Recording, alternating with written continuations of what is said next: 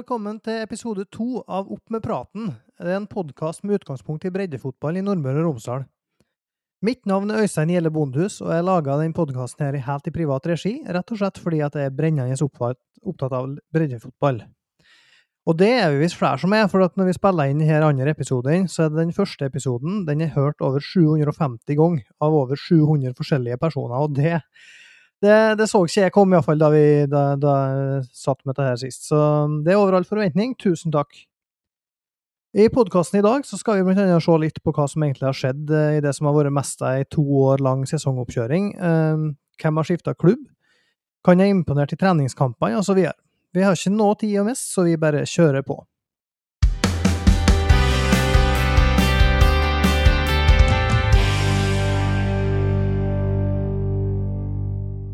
Dagens gjester det er to profilerte herremenn som begge har satt sitt preg på lokalfotballen i kretsen vår.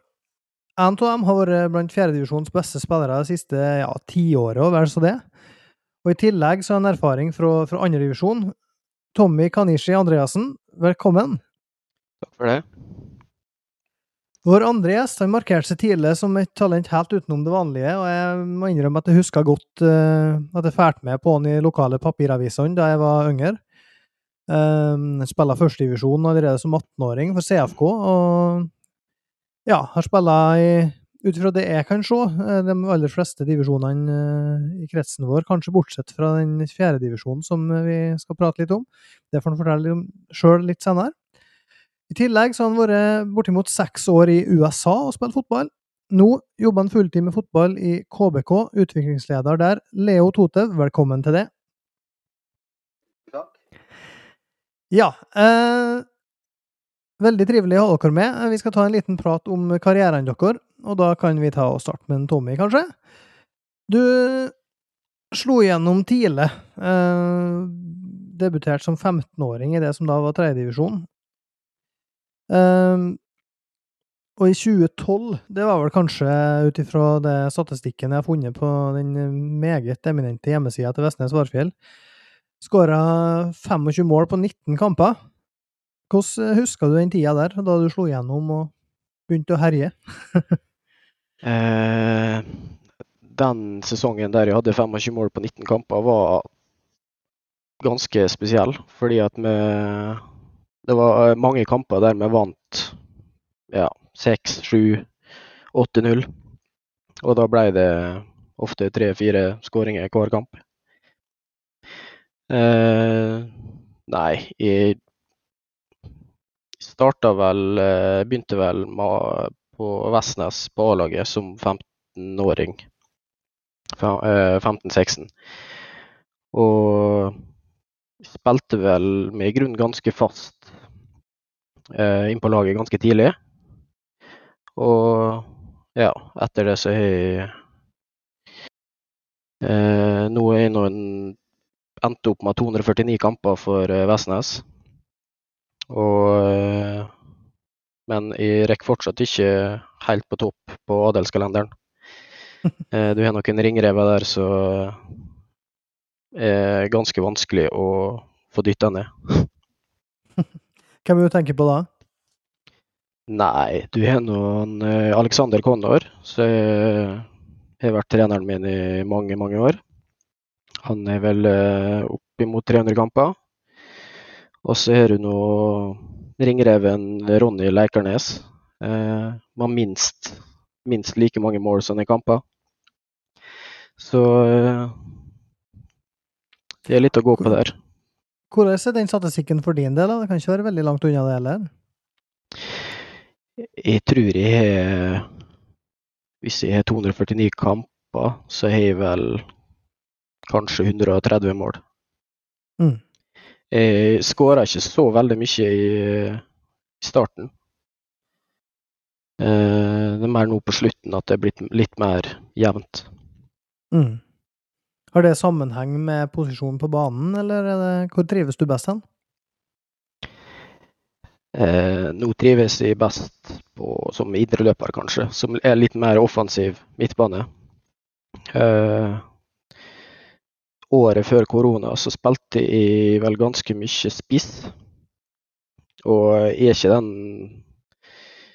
er ikke den typiske spisstypen. Eh, for jeg har alltid spilt på kanten, eh, egentlig hele, hele karrieren min. Eh, men Mm. nå nå trives jeg litt mer sentralt. Men du, du var en periode i, i Brattvåg. Altså, de satsa jo veldig hardt både på den tida og, og fortsatt. Altså, hvordan eh, kom den overgangen i orden? Nei, det var han eh, En som heter Oddmund Otterlei. Han eh, Han har vel prøvd i mange år på å få over I og en, eh, Vegard Skare. Mm. Eh, men så bestemte vi oss at vi ville prøve til slutt, da. Og eh, jeg kan ikke si jeg angra, angra på det, for eh, det året vi rykket opp til andredivisjon, er vel det jeg husker mest eh, fra fotballkarriere. da. Det Mm. var en fantastisk gjeng og fantastisk garderobekultur og Nei, det, det er noe jeg kommer til å huske. Mm. Både prestasjonene på banen og samholdet utenom. Mm. Men hvordan er det altså sånne klubber som, som Vestnes og Tomrefjord og Åndalsnes, altså som ligger på den sida av Romsdalsfjorden, og så spiller jo gjerne treningskamper og, og har tettere forhold til sunnmørslagene enn det vi har vi fra, fra andre sida. Altså, hvordan eh, ser de på dem? Altså, er det noe rivaleri der på lik linje med dem de møter i serien, eller hvordan er det? Sunnmørslaget? Ja. Nei, det er ikke jeg tenkte over, egentlig. Eh, både Vestnes og Tomrefjord, eh, så vidt jeg vet, bruker å Ofte møter jeg samme laga. Det er sånn Nordborg, eh, Blindheim, Emblem. Eh, men det er vel for å møte, møte litt, anna, litt andre lag da, enn det du møter til vanlig i serien. Mm. Hvordan er din opplevelse av styrkeforholdet der imellom de uh, fjerdedivisjonsavdelingene på Nordmøre, Romsdal og Sunnmøre? Jeg vil si at det er ganske likt, egentlig. Det er ikke Mm. store forskjellen. Ja. Eh, vi møtte nå Nordborg Nei, vi møtte Blindheim nå, siste treningskamp, og vant 3-0. Ja. Eh, jeg lurer på om det er et femtedivisjonslag. Og Mm. det laget har greid seg fint i fjerdedivisjonen Nordmøre. Ja. Mhm. Men hvordan er det nå, altså når du har 249 kamper for Vestnes, og så har du altså da meldt overgang til Tomrefjorden? Eh, vi skal snakke litt eh, om det òg. Altså hvordan eh, For å ta det først, da. Hva Hvor mye betaler de det? Ja, jeg har nettopp eh, kjøpt nytt hus, så Nei da.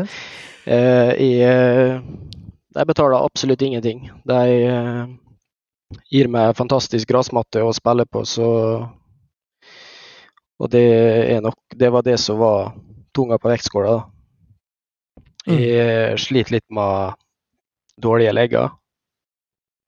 Og å, trene kontinuerlig på kunstgress eh, framover, det tror ikke jeg Det tror ikke jeg har hatt mye igjen. Nei, skjønner. Så det var det som på en måte var, var avgjørende for, for det Ja. valget om å forlate Vestnes og gå til Tomrefjorden? Ja. Det var litt sånn eh, Det var litt en liten periode jeg var ganske lei. Eh, Det kan skyldes korona og litt eh, Ja, hva jeg skal si Litt kjedeligere treninger da, med énmetersregel eh, og det. Og da eh, Da ble jeg ganske lei. Eh, Mm. Og nei, trengte, trengte noe nytt. Eh, og jeg håper at gras gjør meg godt. Mm. Men hvordan blir det å møte Vestnes i kamp nå? Nei, det blir spesielt. Det blir, det blir veldig spesielt. Eh, Ja, det skjønner, skjønner jeg godt.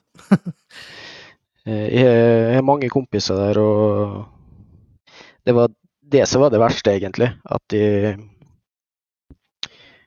At de ikke skal spille sammen med deg, da. Eh, Vi var en ganske sammensveisa gjeng, et par av oss. Eh, Så det blir et sånn. Mm. Men eh, Leo, skal vi høre litt, litt med det. Altså, det nevnte litt innledningsvis at du tidlig fikk eh, oppmerksomhet fordi at du, du var, var et stort talent, rett og slett. Altså, hvordan opplevde du denne oppmerksomheten sjøl? Ja, nei, det er jo en veldig spennende tid, da. eh, Når du bryter gjennom fra ungdomsrekkene og eh, da blir aktuell for førstevisjonsklubb, som, som Klausenga var den gangen i eh, 99. Spilte i Adeccoligaen. Jeg hadde jo da fullført to sesonger i Grykameratene, der jeg gjorde min seniordebut. Og ja, om styrker derifra. Tredje divisjon, eh, 17 år. Og så inn i eh, oppkjøringa med Klausenenga foran Adecco-ligasesongen. Det, det var jo eh, brutalt møte med både voksenfotball, atletene du møtte den divisjonen der, og seriøsiteten. og ja, det var, det var en veldig spennende tid da, som jeg dro eh, masse positive erfaringer for eh, senere i, eh, av da, senere i karrieren. Så, Mm. og på den andre sida så er en del eh, øyeblikk jeg tenker tilbake til da eh, ikke sant, Den trappa der, den, den var ganske bratt. da. Mm. Eh, i, I etterkant så skulle man gjerne ønske at man hadde litt mer ballast, da, som, ja, som det, det ble da året etterpå, da, da jeg spilte i andrevisjon fast. Ja. Så eh, det hadde nok ville hjulpet meg sterkt inn mot den sesongen. I tillegg så spilte jeg jo på et lag da som ja, vi, vi sleit med ryggen mot veggen hele sesongen. Det var, det var tøft. og det var eh, en slags sånn oppvåkning for mange av spillerne i gruppa der òg, som tross alt hadde rykka opp to sesonger på rad. Eh, Det var bare medvind, og så møtte vi den eh, ja, harde, harde hverdagen da, i, i, i Adecco i 99. Det, det, ja, det var masse positivt å ta med seg derifra, men også mange, mange tøffe øyeblikk da, som, som. Jeg husker veldig godt.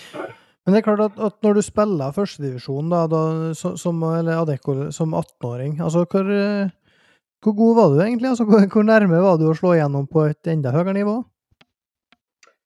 Nei, jeg hadde mer enn nok å henge med på det nivået der. Jeg hadde ikke så veldig mange starter det året der. Eh, Det var en veldig god førsteelver vi hadde. Mm. Eh, Men, og, så er det jo litt slik, da, og det, det kommer vi vel inn på litt senere òg, da. Det, det utålmodighet også Mm. eh, fra, fra trenere i form av at man må prestere fra første øyeblikk. Og, og, og det er mange mekanismer som spiller inn. ikke sant? Eh, Man er jo fysisk underlegen i den alderen her ofte. og man mentalt ikke sant, så er er, er ganske tøft ikke sant, å måtte prestere fra første sekund av. og øh, Du møter jo spillere da, som, øh, som er på et veldig høyt nivå nasjonalt. og Tøffe gutter.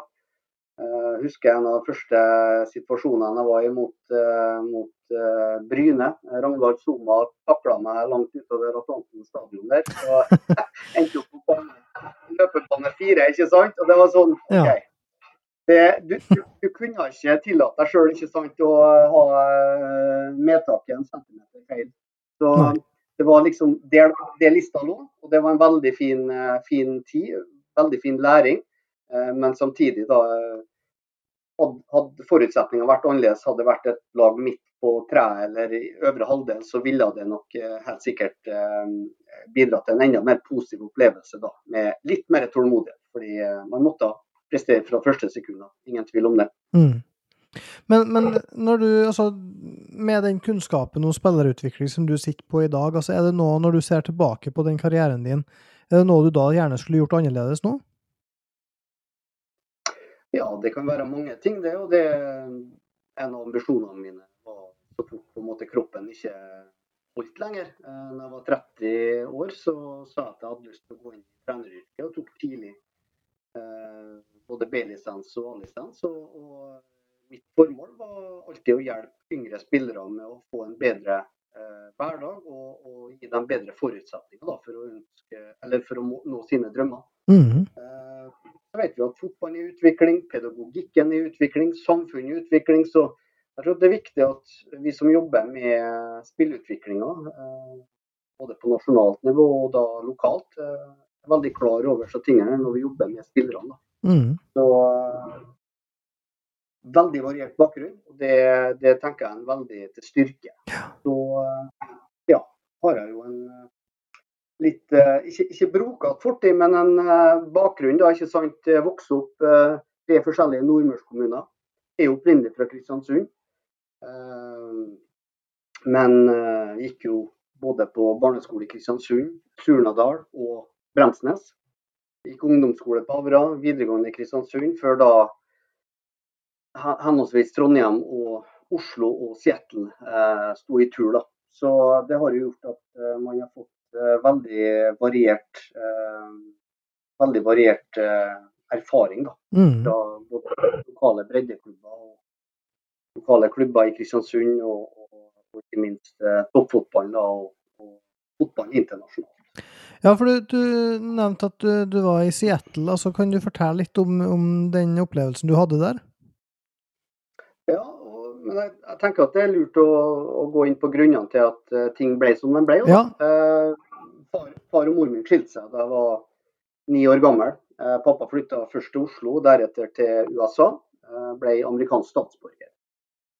Og for både meg og broren min eh, så lå det alltid et ønske fra familien om å få amerikansk statsborgerskap, og det måtte vi få til da før vi var 21. Så det var, det var litt av forutsetninga. Ja. Eh, på det tidspunktet da jeg var rundt 20, så hadde jeg jo da etter en halv sesong eh, i andre med Klausenga blitt eh, faktisk kjøpt av Oslo Øst. Jeg Ja. hadde et eh, hardtsatsende, ambisiøst prosjekt eh, rundt eh, 2000 der. Og eh, jeg var med på deres opprykk til førstedivisjon. Og så kom vinteren, og det var litt mer uklarhet rundt eh, ja, kontraktsituasjon og generelt tilværelse.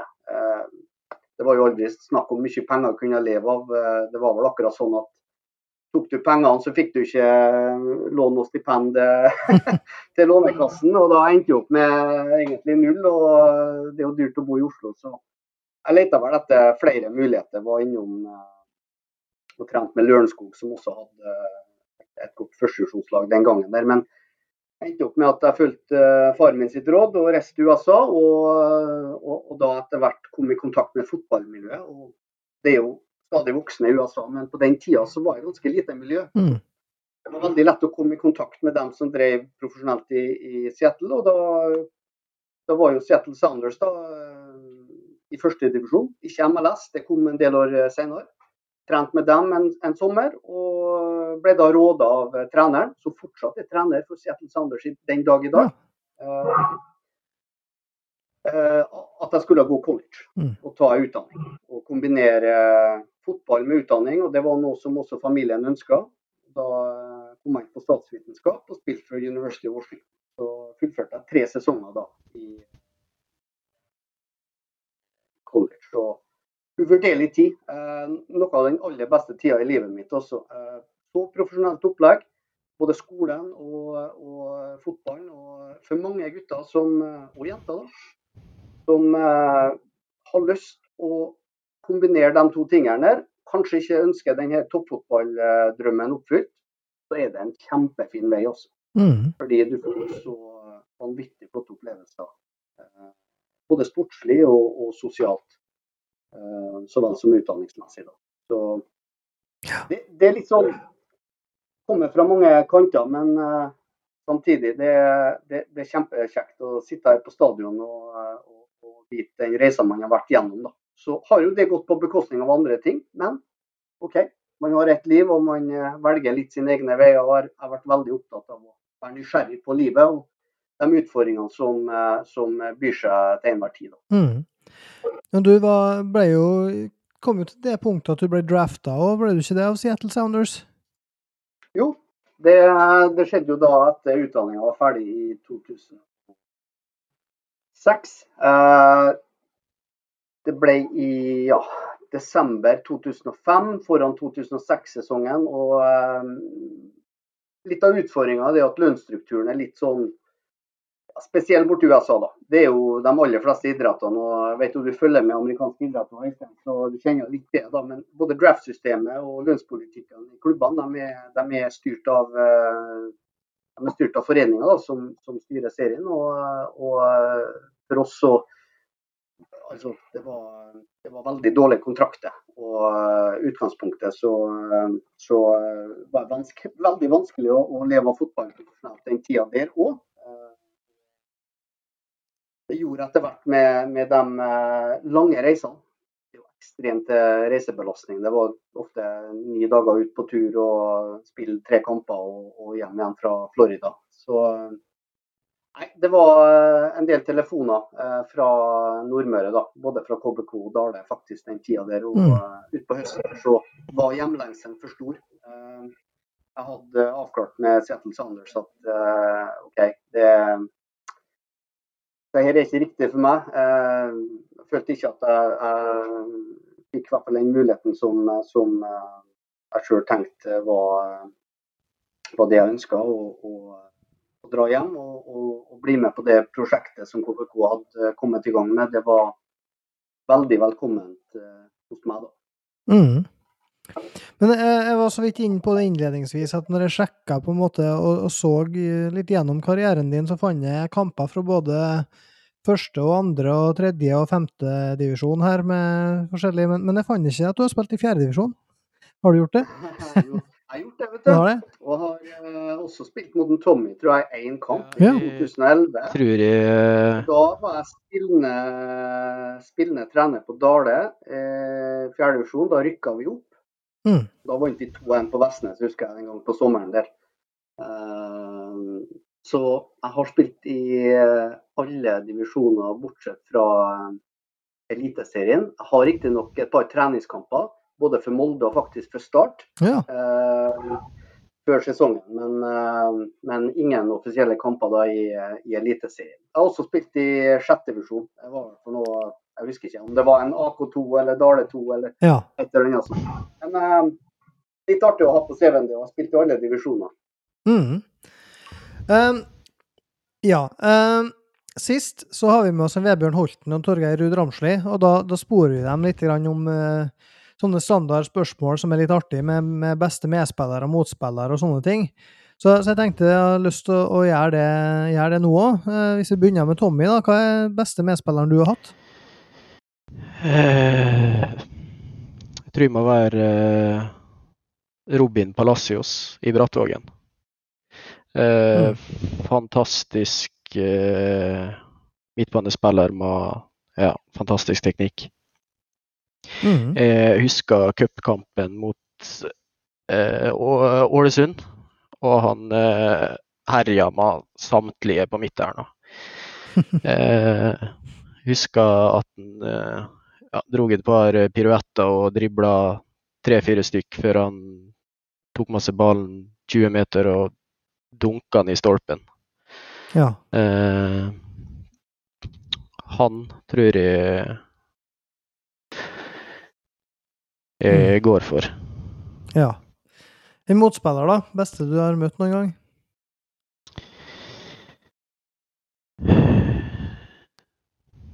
Eh, Ruben Gabrielsen. Cupkamp eh, mot Molde. Det var skikkelig sånn eh, regnvær. Eh, jeg tror måla drev og blåste vekk. Eh, jeg husker det at når han kom ut Man har trange MFK-drakter, og det regna. Og du så bare brystmusklene hans ut ut, og sixpacken bare dunk, dunk, dunk, dunk. Og han er ikke akkurat treig heller. Så jeg, han jeg, jeg, tror ikke jeg kom forbi ham en eneste gang. Han, er, han var fysisk overlegen. Ja. Enn du, Leo? Samme to spørsmål. Beste medspiller? Mm, med og mot? Med og mot. Nei, jeg kommer ikke foruten uh, de tre-fire årene jeg hadde sammen med Magne Olseth i AK eh, på aldersbestemt nivå. Det var uh, ja, eh, eksepsjonell. Eh, som vi også har sett gjennom hele hans karriere. Og, og det, ja, på det nivået vi spilte da, og ofte på five-a-side innendørs og reiste landet rundt og plukka pokaler. Det var, det var en veldig fin tid. Og det var det var aldri noe spørsmål om hvem som skulle ha ballen når det sto igjen ett minutt og det var uavgjort. Da var det bare for alle å trekke unna, og så er inn mot én. Um, helt eksepsjonell. Um, selvfølgelig i tidlig debut på senior så fikk jeg jo spille med storebrora Jan Erik. Uh, spilte jo med han i to perioder, henholdsvis ja, Klausnenga 99 og så AK i 2003. Da var jeg hjemme en sommer fra USA og bare spilt litt kamper for dem. Uh, Jan Erik òg, uh, som var innpå her i forrige uke. Helt eksepsjonell fotballhode og, og, og fotball. Så to der. Og vil også dra frem én uh, til da, som jeg hadde et veldig fint samspill med over uh, mange år i KPK. Det er en Tor Erik Torske. Han er heldig nok, uh, Både Magne og Tor Erik er heldig nok å jobbe med daglig. da. Mm -hmm. Tor Erik jobber med økonomi her til oss. og tror det var høsten 2008. Da var både en Momo Latyr og en Chris Bright skada. Og da hadde Geir Midtsian eh, lite offensiv alternativ. Så han para meg opp med en Tor Erik på topp der, og vi hadde en uh, veldig fin avslutning på sesongen. Der uh, vi stort sett hadde uh, både mål og assist til hverandre den tida der. Jeg husker jeg med, ja, som en av de beste minnene fra KBK-tida. Mm. Motspiller, jeg vet ikke, er lov å si dommerne? ja, den kontroversielle, men. Nei da. Jeg skal dra frem gjesten fra forrige runde. her. Han er et par år eldre, men så spilte ikke så veldig mye mot den aldersbestemt. Men Torgeir Udramsrud var en eh, ja, eksepsjonelt god spiller. Jeg spilte jo også mot ham i Dale-trøya. Men eh, ja, det har jeg gjort, og så husker jeg ikke om det er så mange andre sammenhenger. Men altså helt umulig å få has på. Eh, så lenge han var i ja, mentalt stabil modus han, og var offensiv i så var han helt ja, forferdelig å spille mot. Eh, så begava, utrolig god balanse, touch, blikk. Eh, hadde, hadde aller meste. Kvikk på, ja, kvikk på små flater og, og, bra steg. Så ja, han, var, han var ordentlig god også. Mm. Skjønner. Eh, er det noe tenker, hvis jeg tenker for dere egen del Ikke nødvendigvis laget, men for egen del, er det nok enkeltkamper de husker der de har tenkt at i dag, i dag var jeg god, altså. men uh, Tommy, har du hatt den kamper du husker med den følelsen? Mm, må være den uh, sesongen i Var det 2012 du sa? Ja, 2012, ja. da var det vel et par kamper der uh, bytta inn både tre og fire. Jeg husker mot, hjemme mot rival. Eh, møtte han Tore Buksasp som er høyreback. Eh, han er nå nesten to meter høy og mm. ikke så spesielt kjapp. Eh, den kampen tror jeg husker best. Det var fire skåringer og vant vel 7-0 eller noe sånt. Ja. Enn du, Leo? Ja, jeg vet ikke. Altså, det, det skjer så mye hver eneste uke at jeg rekker ikke å tenke tilbake så veldig langt. Også. Jeg tenker at det var en eh, Utover karrieren min så var jeg en spiller på det, på det jevne. På alle nivåer jeg spilt, så, så greide jeg meg greit. Jeg var veldig sjelden en som og tungen på vektskåla i, i, noen retninger. Så eh, det er nå bare alle ikke sant, alle opprykka og seire og sånne, sånne, lagprestasjoner som jeg sitter tilbake på med, med veldig gode, gode, følelser. Det, det, det gjelder ikke også nå, da, i den kapasiteten jeg er nå, eh, fra sidelinja. Det er, har vært veldig lite om individet og, og veldig mye om laget. Når laget gjør det bra, så føler jeg at det har vært en veldig, veldig eh, bra ting, da. Mm. Ja, det er lov å være diplomatisk. Det er lov, det. eh, Sett, Setter mye dårlig lys.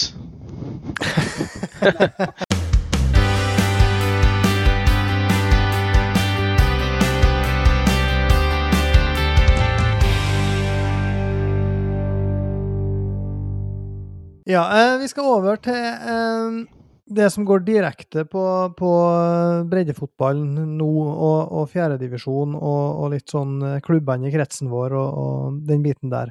Men eh, litt overordna, Leo. Eh, I KBK så har de jo som, som Nordmøre sitt flaggskip veldig utstrakt kontakt med alle de her klubbene som, eh, som spiller i, i kretsen vår. Altså, hvordan opplever de den dialogen og samarbeidet, litt sånn kort? Nei, jeg vil si at uh, A-laget oss er, er, jo kjempepopulært. KBK2 er ikke like populært. og Det går jo på den problematikken som, som er årelang, og, og uh, vi, vi, har full forståelse for. Uh, man prøver å legge opp et løp der man ikke sant, kan få, få frem spillere. Ikke bare til eget A-lag, men til, til, andre plasser i toppfotballen òg. Og det, det, av og til blir en liten klinsj, fordi at man ikke sant? Møte X-spillere, men møter andre lag som har samme ambisjoner og ønsker å rykke opp. Og aller helst så skulle vi gått tilbake til gamle divisjonssystemet der vi hadde en fylkesserie og, og ja, fått etablert flere lag på høyere nivå. da. Nå er vi litt sånn alle der på samme nivå, og ingen greier å helt å etablere seg i tredje divisjon. Så det er jo litt der på senior B-nivå, på aldersstemt nivå, så syns jeg at det er en veldig positiv dialog med, med de aller fleste klubber som er rundt oss. Mm. Hvordan har på tre forskjellige nivå, da. Ja, skjønner. Hvordan har, har, den pandemien som vi er inne i nå, påvirka KBKs utviklingsavdeling og, og spillerne der? Det er Altså, ut fra det jeg har sett nå i, i, i sommer og starten av høsten Vi er godt i gang med høstsesongen. her, Nå spiller jo nasjonale kamper. For både gutter og junior så ser ting greit ut. Eh, men det, det, har jo på en måte, sånn som til alle andre, sneket seg inn en slags sånn eh, trøtthet i det å ha en løpende mållinje, uavklart ja, eh, fremtidsutsikter. Jeg har sittet med terminlister på ulike typer serier føler jeg fire-fem ganger nå. og eh, man, man, er veldig takknemlig for å være i gang i hele tatt. Jeg nevnte rett før innspillinga her at jo, satt og kikka på en Bjørnar Bugge og en lord Sørseth her. Eh, få baller i bakrommet og prøve å springe inn i redusering mot KFK her. ikke sant? Og, og jeg, jeg, tror vi alle eh, sitter igjen med samme følelsen. også. Vi er takknemlige og veldig glad for å være i gang. Eh, og så tenker jeg at vi som eh, primært aldersstemt eh, med aldersbestemte spillere har, har, greid seg veldig godt gjennom den tida her, fordi at vi har fått holdt på med trening da, med full kontakt, i motsetning til de fleste av eh, Eh, konkurrentene. Mm. Hva tenker du Tommy om det å være i gang igjen? Også, hva, hvor, hvor, godt er det? Veldig godt. Jeg kjenner jeg gleder meg, gleder meg skikkelig. Uh, bare det å få spilt treningskamper, i det hele tatt trent, trent, trene med-kontakt. bare det gjør mye. Mm det har vært ganske meningsløst i lang tid nå. Eh, det, og det var vel en av grunnene jeg nevnte i stad, at jeg, mm. jeg blei rett og slett lei. Ja. Eh, men eh, nå er det framover. Mm. Men det er bra. Nå er det jo ikke mer enn ei drøy uke til, til, seriestart, så nå er det virkelig begynt å nærme seg. Um, Leo, med tanke på KBK2 og, og den fjerdedivisjonssesongen som kommer nå, altså, bare, hvordan er egentlig, er det noe regelverk med tanke på kohorter og smittevern og, og treningsgrupper og sånne ting som dere i KBK med tanke på første- og andrelaget der må tenke på, eller er det fritt fram? Hvem som kan spille hvor? Nei, uh, vi, uh, vi, har hurtigtester, så vi tester spillere inn og ut av gruppe. Det samme, er, samme gjelder ikke sant, når det hospiteres juniorer opp ja. A-laget daglig. Ja. Så uh, det er ikke noe å tenke på. men vi har, vi har, et veldig ungt lag. det bruker vi jo ofte å ha, men nå har vi jo ingen tredjeårs juniorer. og det kan jo bli utslagsgivende for vår sin del. og ja, A-lagsstallen med de utlånene de har, så ja, har vi jo snakka Vi har jo en dialog i klubben eh, på det, men uh, altså, vi har et lag som i beste fall kjemper om ja, topp tre til topp fem-plassering.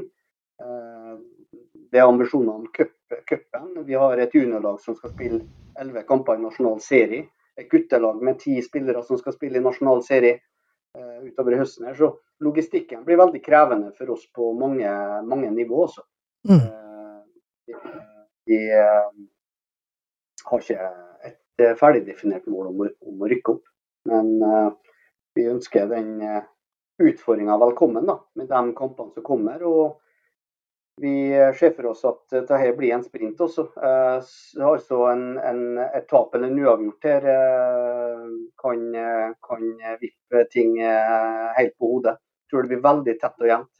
Så det er mange om beinet her. og I motsetning til en full sesong, så blir det nok tror jeg, et, en kamp helt til siste, siste spark på ballen. Altså. Ja, Hva tenker de egentlig om, om, at det nå er en halv sesong? Vi skal inn i det elleve kamper, og så skal det spilles opprykkvalifisering mot uh, sannsynligvis, da, uh, avhengig, litt avhengig av nedrykk fra, fra, tredje, men sannsynligvis da mot uh, et sunnmørslag. Hva, hva, tenker de om den Hva vil det ha å si at det er så kort?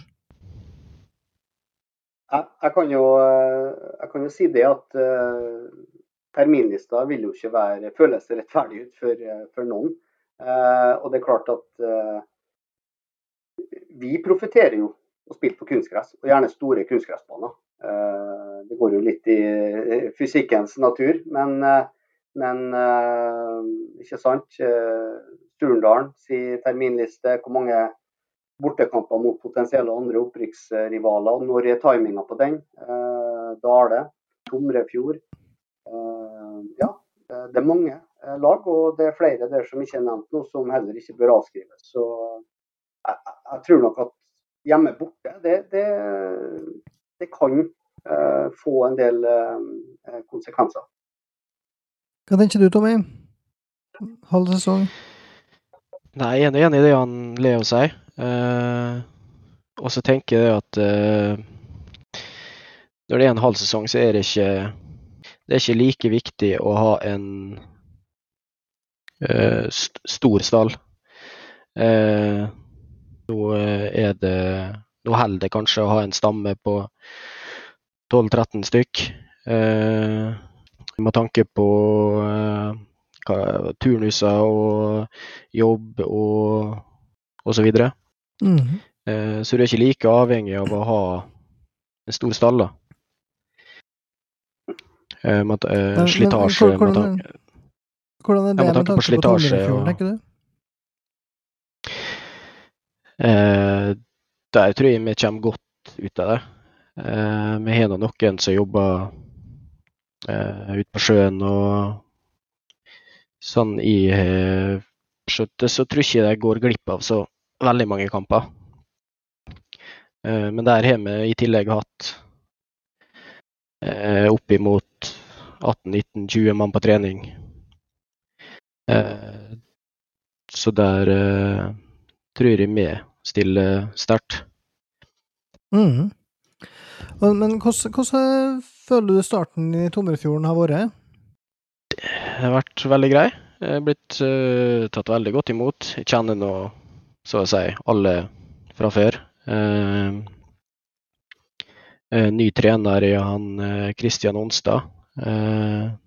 Så jeg har hatt en eh, god dialog med eh, tidligere. Og eh, Nei, jeg syns det er godt. Det har gått veldig greit. Eh, veldig godt å spille, trene eh, på kunstgress. Nei, kunstgress er jeg på gress. Mm. noe helt annet, og det kjenner jeg på, det kjenner jeg på føttene. Ja. Treningskampene, hva tenker du om dem så langt? Helt OK, egentlig som forventa. Eh, slo vel eh, Nordborg Brattvåg 2-1, og så slo vi Blindheim 3-0. Eh, alle kampene på eh, gressbanen her i Tomrefjorden. Mm. Eh, så blir det vel én kamp nå på mandag generalprøve da, mot uh, Langevåg. Så det er det er synd bare slag. Ja. yes. Uh, vi skal ta og gå over til en spørreundersøkelse som vi tok og la ut uh, i forkant av den innspillinga her. Så skal vi se hva folket der ute har eh, svart.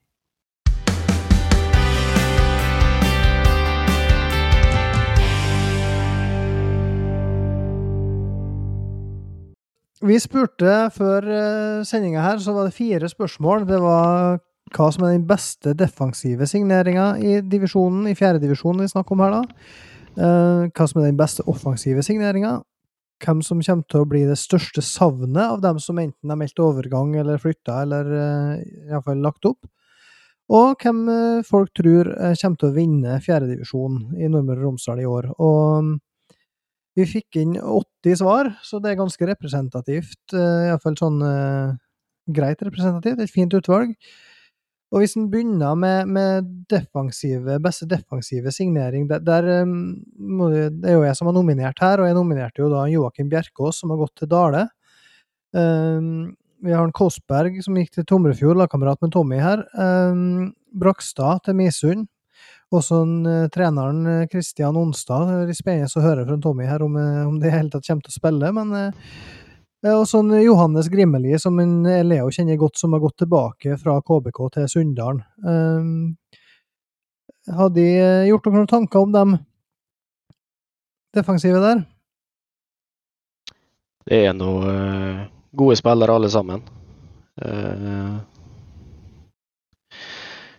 Kåssberg uh, Kåssberg er solid. jeg tror jeg jeg tror jeg ville stemt på han. Uh, mm. Nå vet jeg ikke hvordan han Arnt Erik er, men han har alltid vært låg å møte. Hva tenker du om en Kristian Onsdag? Kommer han til å spille, tror du? Det kommer helt an på. Uh, han har nå vært med litt på trening, og han uh, Han har han er fotball i seg. han har ikke glemt sine gamle kunstnere. Nei, for her, her var det jo da altså Resultatene på denne avstemninga her var jo ganske ja, nesten halvparten, altså 39 av 80 stemmer, gikk jo da til Joakim Bjerkås eh, som den beste defensive signeringa, eh, som har gått da fra, fra KBK til, til Dale. Um, eh, Forsterka dem. Eh, hva tenker du, Leo? Du kjenner jo flere av de gutta her godt. Ja da, og Joakim holder jeg en knapp på. Han eh, kom jo opp som unggutt da, da var i A-laget. Og uh, har jo vært en eh, bauta både her og i flere andre klubber. Kommer til å gjøre en kjempegod jobb for Dale. Vanskelig å rett og slett komme forbi. Han er, han er steinhard og solid og, og tøff mentalt. Og ja, han, han blir kjempeforsterkning for Dale også. God pasningsfot. Eh, spilt mange kamper i eh, da primært andrevisjon og førstevisjon for KBK. Så så lenge han Joakim vil, så, så kommer ja, Dale til å rydde bra eh, bak der. Mm. Ja, så har vi jo òg de her altså Når vi kommer til beste offensive signering, da, så er jo Tommy du er et av alternativene der, fra Vestnes til Tomrefjorden. Og så har jo Dale to der, inn Rolland og Nordstrand. Og så har Surndalen to, eh, nominert av meg, sjølsagt, da. Um, en Arnstein Aasbø og en Vegard Juel, som begge kom tilbake fra KBK. Og det samme gjorde en Abiel Tevelde til, til Sunndalen. Det, det, er dem seks som var nominert der. Hva, hva, tenker du, Leo, om de gutta der? Du kjenner jo nesten hele gjengen her. Ja da, veldig heldig å få jobbe med de guttene i, i, flere år. Og skulle nok helst ha sett at de guttene eh, ja, tok springfart og, og hadde satsa på eh, andrevisjon. Eh, men de har eh, høyt toppnivå, godt skolerte spillere og har en X-faktor igjen begge. Eh, en som ikke er nevnt, er jo Kevin Brusæter. Mm. En av mine favoritter. Han er jo en svært begava fotballspiller som jeg ble veldig ja, eh, glad i tilbake ja, seks-sju år tilbake da vi jobba med den i akademiet. Så type som kan eh, ja, briljere på de fleste dagene i midtbanen i fjerde divisjon, og type som jeg helst skulle ha sett eh, langt høyere opp i divisjonssystemet. Mm. Så, um, så, så, det er mange gode der også. Foruten en Tommy, selvfølgelig, som er en kjempeforsterkning fra Tomrefjord. Så, så, er de to guttene i Dale òg, da. Typer som jeg har spilt sammen med og, og vært trener for i, i tidligere. Så, så, det er alle gode spillere på dette nivået og, og vil nok bite godt fra seg. Så mm. handler jo alltid om hvordan laget utnytter den, eh, ja, det potensialet som ligger i spilleren nå. da, og Har de gode medspillere lenger bak der som finner dem i rette rommene og god kampplan, så, så, kan de alle der være veldig effektive i de aller fleste kampene. Mm. For det er jo slik at den Kevin Brusetaug som du nevner, han er jo i militæret nå, så det er jo derfor han ikke er Men han har jo også signert for Surndalen. Um, ja.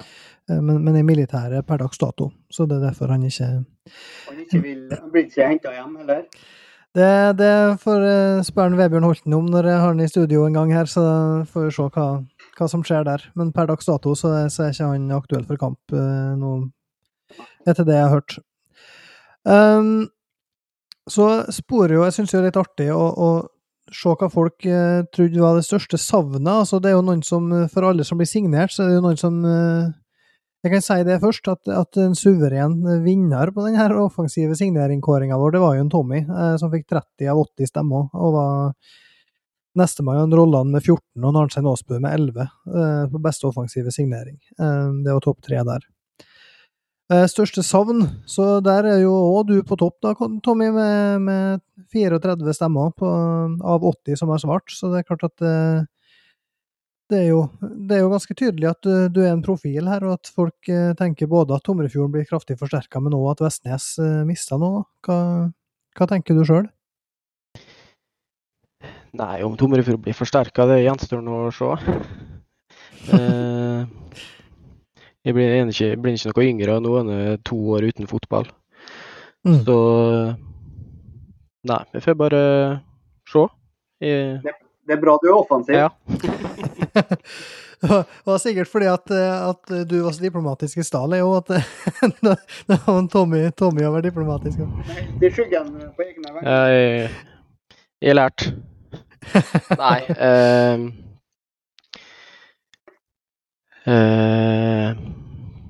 at jeg blir savna i Vestnes. Eh, jeg har nå vært kaptein der i mange år, og eh, jeg har nå vært en av de, jeg har nå vært den eldste på laget i, mm.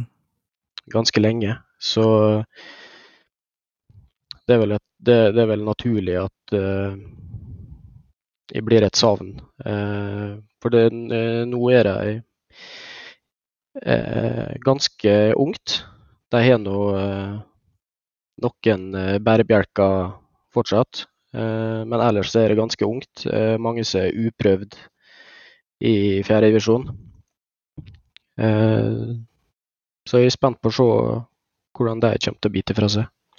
Mm.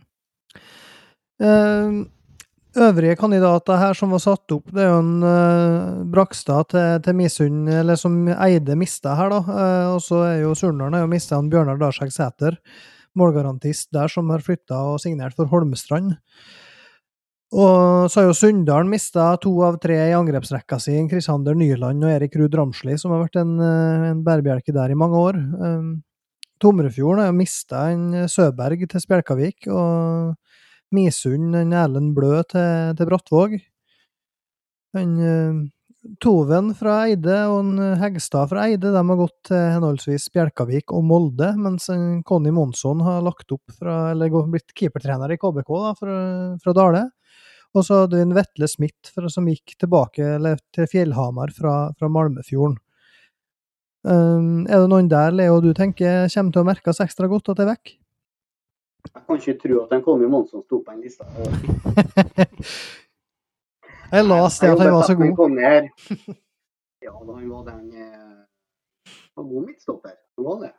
Enda bedre keeper, selvfølgelig. Så da hadde han iallfall stått på lista. ja, jobber med Conny daglig her med, eller ukentlig da, med, med gatelaget, som han også hadde en funksjon med siste, siste året. Mm. Conny er en bra fyr. God fotballspiller. og uh, klart han eh, han eh, var veldig viktig for det Dale-laget i, i, 2019. Du, eh, mange av disse her er spillere som har eh, vært veldig gode på dette nivået. flere sesonger. Alle blir store sånn. Jeg greier ikke å plukke ut én uh, som skiller seg ut mer enn den andre. Jeg tenker at uh, det her er jo bare mulighetsrommet da, for uh, yngre spillere og, og, andre som har vært der i, i kulissene og, og ja, blir de nye profilene. Mm. Han nevnte jo her før sending Tom, ikke sant, han Leikarnes og altså Jeg husker tilbake når jeg kom opp i kom opp i Grykameratene og vi, eh, vi, spilte mot andre lokale lag da, i tredje divisjon, fjerde divisjon og, og, og, nedover eh, divisjonene, så hadde du alltid så her ringrevene, alltid så her profilene. Mm. Holdt ut lenge, ikke sant? sesong etter sesong. Bytta mål helt de ikke greide å stå lenger. Så det er på tide å ja, uh, sørge for at vi holder flere her i gamet og, får enda flere profiler frem. Så bare hold ut nå, Tommy. ja, vi skal prøve. Eh, siste spørsmålet det var jo rett og slett eh, hvem tror du vinner serien i fjerdedivisjon i år? Og Der er det jo en suveren vinner, da, og det er KBK2. Med 38 stemmer av 80, så er nesten halvparten da, som tror at KBK2 kommer til å vinne. Og Da er jo selvsagt 10 000-kronersspørsmålet Leo, hva, du var litt inne på det, men hva, hva er ambisjonene til KBK2 i år? Nei, Vi, vi ser ikke på i resultatfokus, men i spillutviklingsfokuset. Og Det er kombinert med det andre vi skal gjøre med nasjonale serier. Tenker at Det er et veldig ungt lag, så forutsetninga for at vi uh, spiller god fotball, holder uh, tak i ballen, er, er, utvilsomt til stede. Og så handler det om kanskje det aller viktigste i fotball. da. Og, ikke sant, spillere som er gode i begge boksene. Og der har vi spillere som ikke kommet kanskje langt nok eh, med sin erfaring da, til å kanskje være de eh, avgjørende spillerne eh, med tungen på vektskåla. Ikke sant, Har vi litt hjelp fra A-laget med, med, keeper og kanskje en på topp, en, i, ja, en til sentrallinja, så, så blir det et veldig veldig godt fjerdedivisjonslag. Ingen uh, tvil om det. Mm. Uh, personlig så tenker jeg at uh, jeg vil rangere Surndalen foran KBK2. Og jeg vil også plassere Dale ganske jevnt der, med Tomrefjord eh, nummer tre. Så jeg, jeg, tenker at det kommer til å stå med den halve sesongen vi har her. Fire til seks lag blander seg helt sikkert inn. Ett feilskjær kommer til å få store konsekvenser, og må aldri avskrive KFK, eh, Surndalen, Eide, Misund, ja, you name it.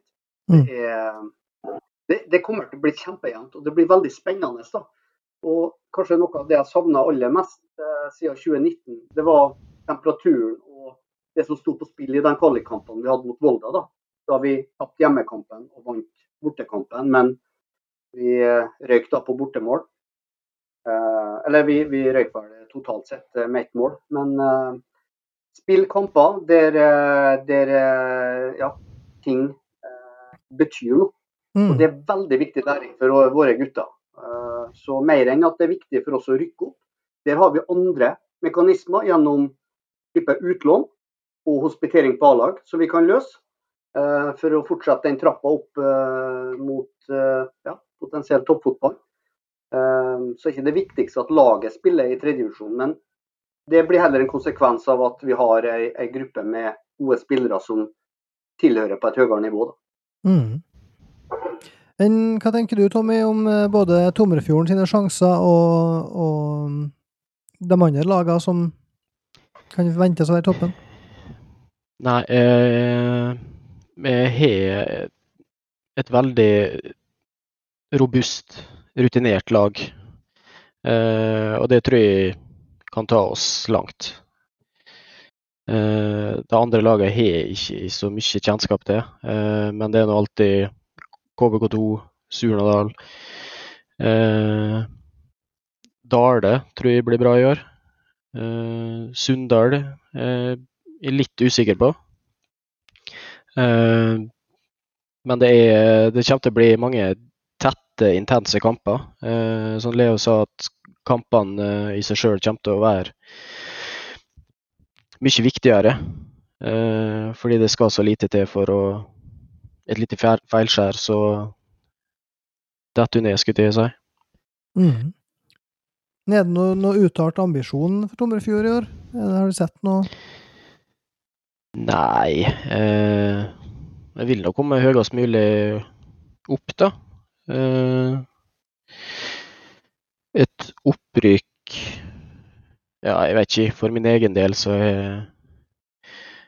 eh, en ettåring i hus, og så, så jeg ikke hvor eh, hvor høyt de setter det, da.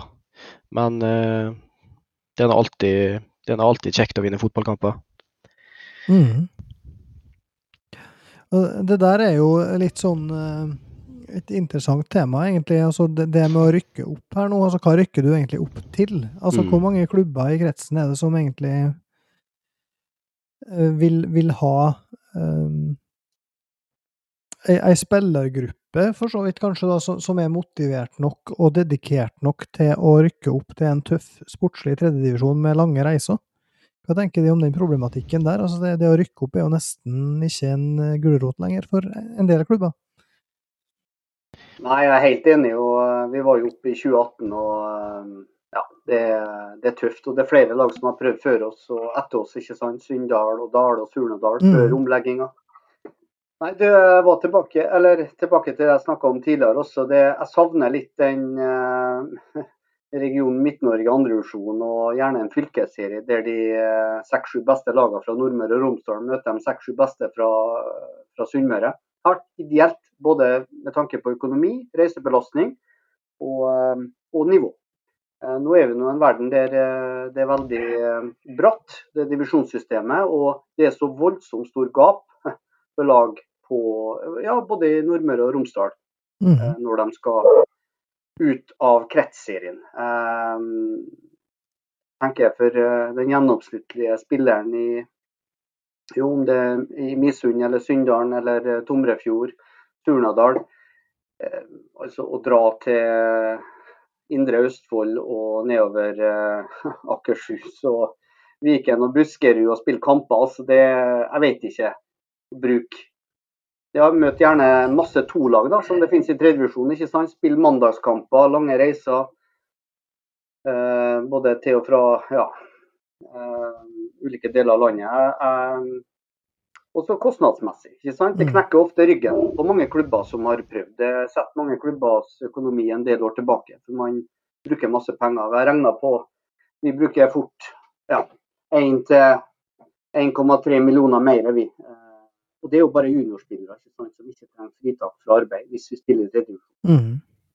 Og på den andre sida, i vårt tilfelle, så må vi kanskje beholde enkelte spillere i KBK2 lengre enn hva de personlig har behov for. For at de må videre. Mm. 18-19 år må ha kanskje høyere nivå enn tredjevisjon. Mm. Så det er veldig tosidig. Eh, så artig å vinne, artig å rykke opp. Men samtidig, hverdagen eh, i tredjevisjon, den den er ikke like artig da, som eh, jeg tror for eh, veldig mange eh, i fjerde divisjon. Mm. Nei, og det, jeg tenker jo at det er et poeng. altså det, det at, Som vi sitter og diskuterer i denne podkasten med, med, med, spillerprofiler i fjerdedivisjon, med lag som du er vant til å møte, med, med stadioner du har spilt på 100 ganger. så det jeg var daglig leder i Surnadal da, da, vi var oppe i 2016. Eller vi, de var oppe i 2016, tredjedivisjon. Og det, det, er klart at Da Rollon kom på besøk til, til Syltørene, så var det ikke veldig det var ikke veldig masse folk. Og det, det er klart folk hadde ikke et, eh, det samme forholdet til om det er Vestnes, eller om det er Sunndalen, eller om det er Tomrefjorden. altså, De lagene her, KFK, som du har møtt 100 ganger. Du, du, du kommer for å se en Angvik, du kommer for å se en Tommy, du kommer for å på en måte se dem dem som du har sett herja med oss, og vi har eh, av og til slått dem, liksom. Så, så det, det, blir jo sånn eh, den her lokal eh, og det her engasjementet for lokalfotballen òg blir litt vatna ut ved at du får møte lag du aldri har hørt om, bortimot. Altså iallfall spillere. og Du, du, du veit du ser dem ikke igjen, og du har nesten ikke sett dem før. Så det, jeg er ikke sikker på hvor bra det er for engasjementet heller. Men. Nei. Og på i, i, alle lag så har du jo uh, spillergrupper med vidt forskjellig ambisjonsnivå. Du har unge sultne ikke sant, som vil opp og frem, og videre gjerne.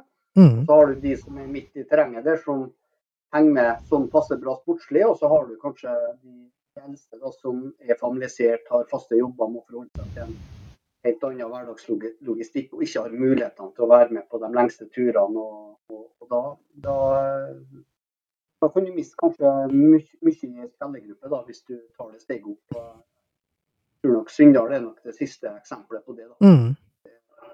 Det er ikke lett også i neste nivå. Klart, Ideelt sett skulle man hatt flere lag opp på det nivået der, men sånn er jo verden. Mm. Vi er her vi er. Ja, det, det husker jeg jo det fra det, den 2016-sesongen. Så var jeg med på den lengste borteturen. Eh, Jeg var med til Florø og spilte mot Florø 2. Og det var fire ferjer og ti timer én vei med buss. Og det er klart at da, da var det slik at når vi da kom tilbake fra og passerte Vestnes, så tenkte vi at det her blir den lengste borteturen vår neste år. og da hadde vi allerede reist i seks-sju timer, ikke sant? Så det, det var jo helt uh, Å dra til Vestnes nå er jo som å uh, dra et kvarter, liksom. Det er jo Mm. ingenting å si på det. Men å dra til Florø, da var det Ja, du spiller, spiller kampen og springer i bussen for å nå en nå en ferje, så Og KBK2 i 2019, eh, var det vel 2018, eh, ikke sant? Ni flyturer Ja. til Oslo. Eh, spilt kamper stort sett i Oslo sentrum mot Lokomotiv Oslo, mm, Koffa 2, Rilinja. Eh, mm, du, du snakker om det, altså. Det, det var verken engasjement på bortebane eller hjemmebane når lagene kom på besøk. ikke sant? Mm. Så, så uh, det er tosidig. Det er veldig tosidig, akkurat det der. Så, eh, men den bekymringa får man uh, for de fleste av når eh, ja, oktober-november kommer. Akkurat nå så er det godt å komme i gang og forklare oss til, absolutt. til på Vestnes eh, om eh, ja, eh, ti dagers tid. Mm. Eh, Da skal vi ta og begynne å runde av for den gangen her. Eh, Så da vil jeg bare si tusen takk først til alle som har hørt på, både i dag og, og den første episoden vi laga. Takk til alle som har fulgt podkasten og engasjert seg både på Facebook og Twitter. Vi, vi er der òg, så bare oppsøk oss. Vi prøver å oppdatere litt med eh, Iallfall på Twitter med, med kampresultat og legge ting an når sesongen kommer i gang og det er litt treningskamper og sånt. Sist, men ikke minst, tusen takk til dagens gjester, Tommy og Leo. Sjøl takk. Bare hyggelig. Lykke til med sesongen, karer. Vi gleder oss alle mann nå til å endelig komme i gang. Forresten så mm, vil jeg bare eh, nevne det at selv om det å lage opp med praten, den podkasten her er et plussprosjekt, både når det gjelder interesse og engasjement for min del, så er det jo en del sånne tekniske kostnader knyttet til det, så, så det er et ganske klart sånn minusprosjekt, sånn rent økonomisk.